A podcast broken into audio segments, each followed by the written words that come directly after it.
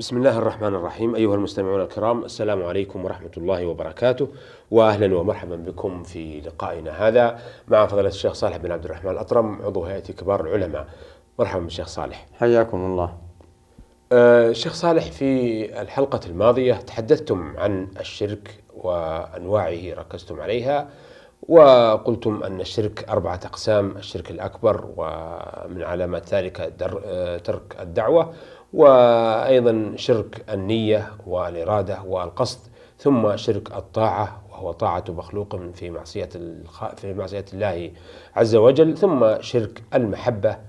آه، لكن في شرك الطاعة يثار أحيانا هذا الاستدلال. لا طاعة لمخلوق في معصية الخالق أي بأن يترك أمر المخلوق لأنه كان عاصيا في نفسه. نريد أيضا آه، توضيح ذلك وضرب الأمثلة إذا كان هناك أدلة على ذلك.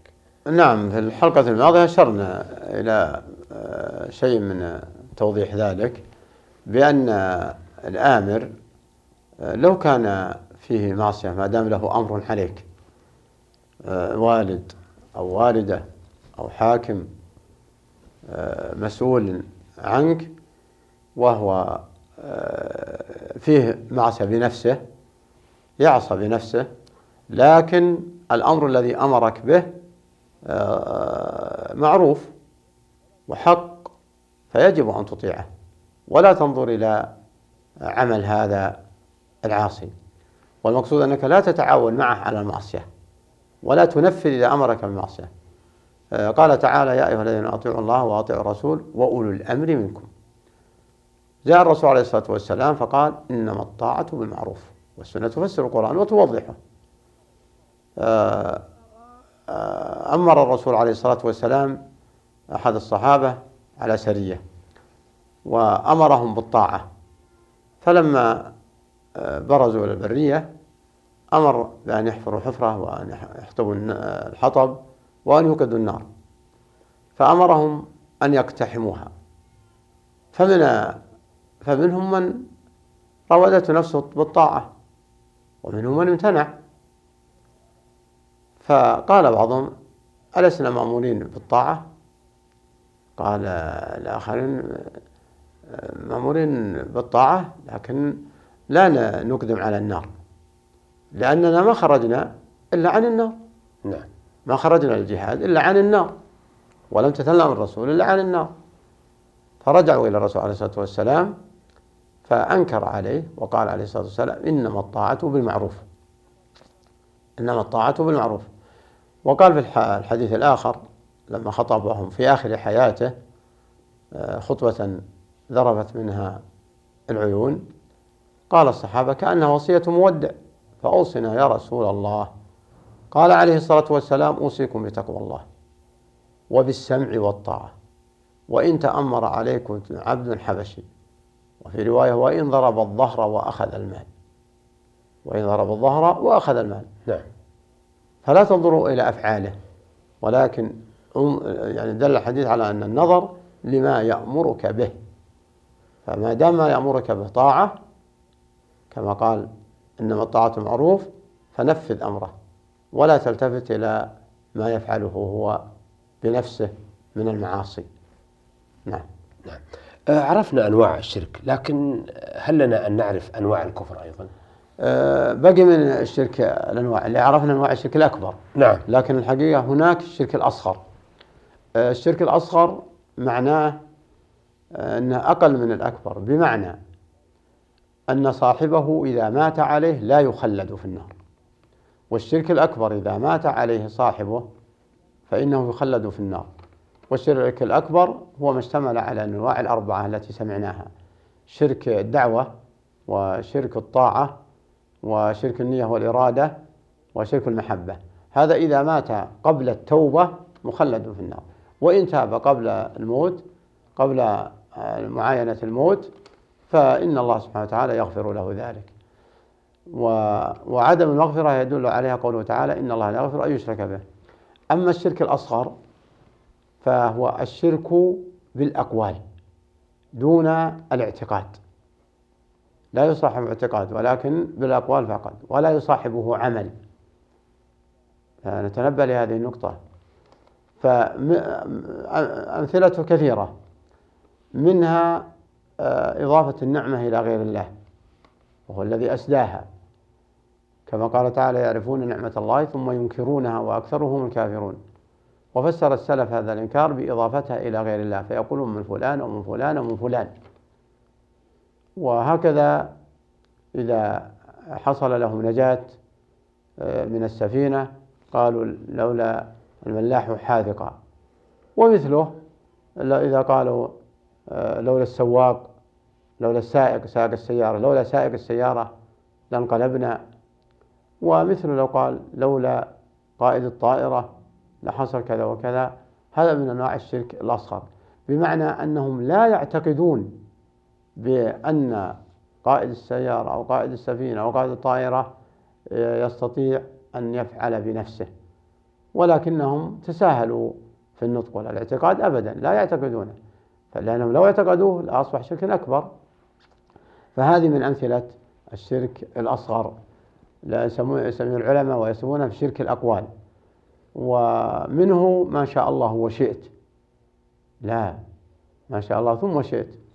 ومنها لولا الله وفلان هذا شرك أصغر لأن يعني شرك في الأقوال. إذا الجائز لولا الله ثم شئت. الفرق بين بينهما أن لولا الله وأنت أو لولا الله وفلان آه، تسوية. لأن الواو تسوي بين المعطوف والمعطوف عليه كأنه في درجة سواء. وأما إذا جاءت ثم فيه نزلت الثاني درجة نزلت درجة عن عن الأول فجاز هذا التعبير. ومنه الحلف بغير الله الحلف بغير الله سواء بالأب وأبيك أو رأسك أو حياتك أو الكعبة أو الشرف أو وحياة الرئيس أو كل هذه أو بالأمانة أو الأمانة كل هذه يصفها العلماء بأنها شرك أصغر. ما لم يعتقد ومعنى ذلك أن إذا حلف الإنسان بغير الله فكأنه عظمه كتعظيم الله. فإن كان هذا التعظيم بالقول فهو شرك أصغر. وإن كان بالاعتقاد بأن جعل هذا المحلوف به من المخلوقين. آه، بدرجة الله هذا شرك أكبر نستجيب لأن صاحبه الاعتقاد.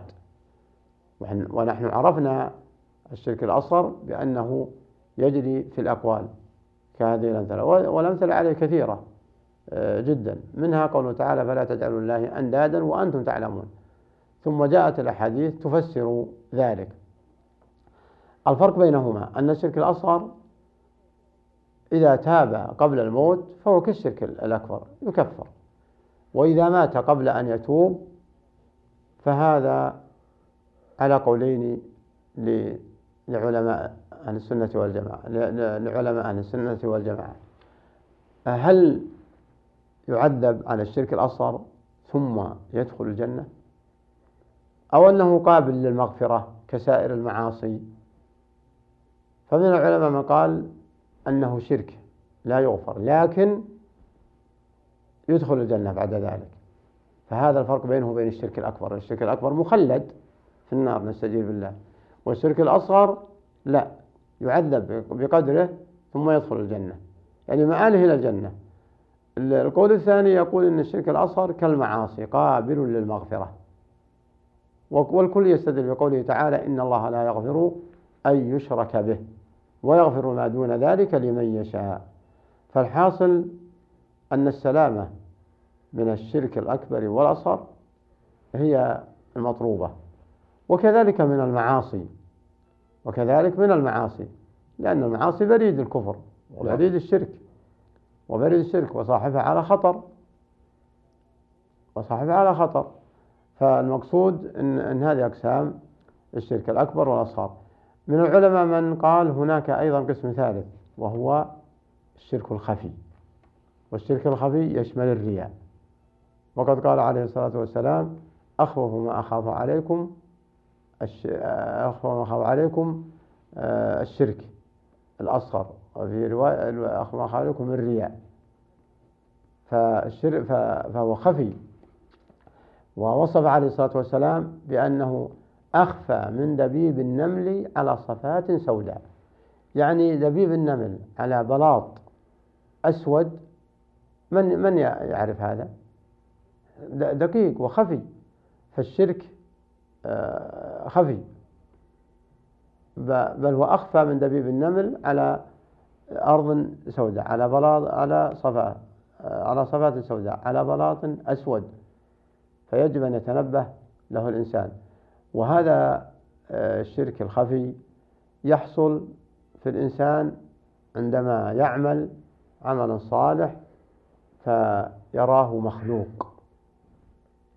فلربما تراوده نفسه أنه طاب له ذلك أو فرح بذلك أو أنه قصد آه، صرف أغلب آه، صرف شيء من نيته لإظهار هذا العمل الصالح أمام هذا المخلوق.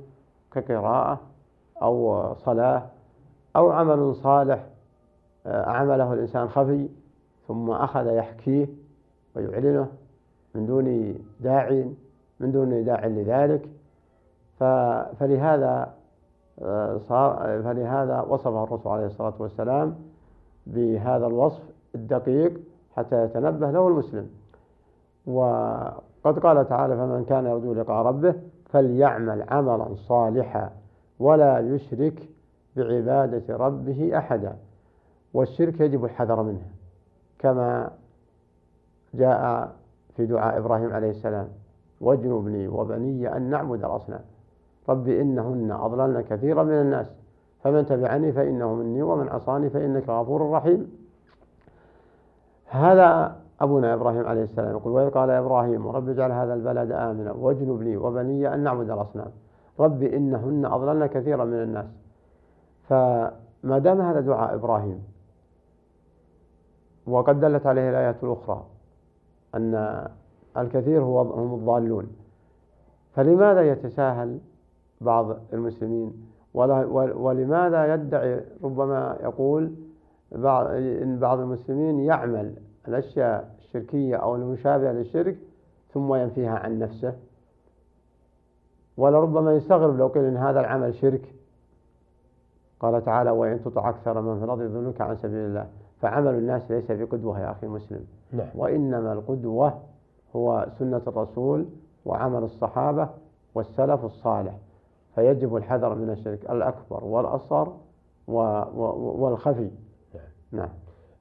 بالنسبة للشرك الأصغر نعم. ذكرتم نعم. أنه الشرك بالأقوال دون الاعتقاد والأعمال ومثلتم نعم. له بإضافة النعمة إلى غير الله نعم. والحلف بغير الله كذلك نعم. لكن بعض الناس لا يحلف بالله تقديرا واحتراما و آه، لله عز وجل فهل هذا فما مدى صحة هذا؟ آه، تقديره في غير محله نعم لأن هذا هذه الصيغة وهي صيغة الحلف خصت لله خصت لله لأن الرسول عليه الصلاة والسلام أنكر الحلف بغير الله. قال من كان حالفا فليحلف بالله وليصمت. وفي لفظ آخر قال من حلف بغير الله فقد كفر أو أشرك. فإن كان سيعظم الله فليحلف به. لا و و ولو قدرنا أو فرضنا أنه حلف بالله كاذبا فهو أهون من أن يحلف بغيره صادقا. لاحظت وقال هذا ابن مسعود لا نحلف بالله كاذبا أحب إلي من أن أحلف بغيره صادقا. نعم. لأن الحلف بغير الله شرك والحلف بالله كاذبا معصية والمعصية أو السيئة أخف من سيئة الشرك. يعني سيئة المعصية أخف من سيئة الشرك. نعم. هذا ابن مسعود رضي الله عنه وأرضاه يقول هذا. فهذه شبهة ليس لها محل. فيجب على المسلم أن يتنبه لمثل هذه الأمور. فتقدير الله ألا تحلف به إلا صادقا. وإن لم تكن صادقة فلا تحلف نهائيا. نعم. وإلا في الحق هذه شبهة يلقيها الشيطان على أسنة الجهلة من من ادعي الإسلام وتحلف بالله وأنت كاذب. لا. فالواجب ألا تحلف بالله إلا صادق. نعم. وإذا لم تكن صادقة فكف عن الحلف نهائيا. نعم. آه شكرا أثابكم الله.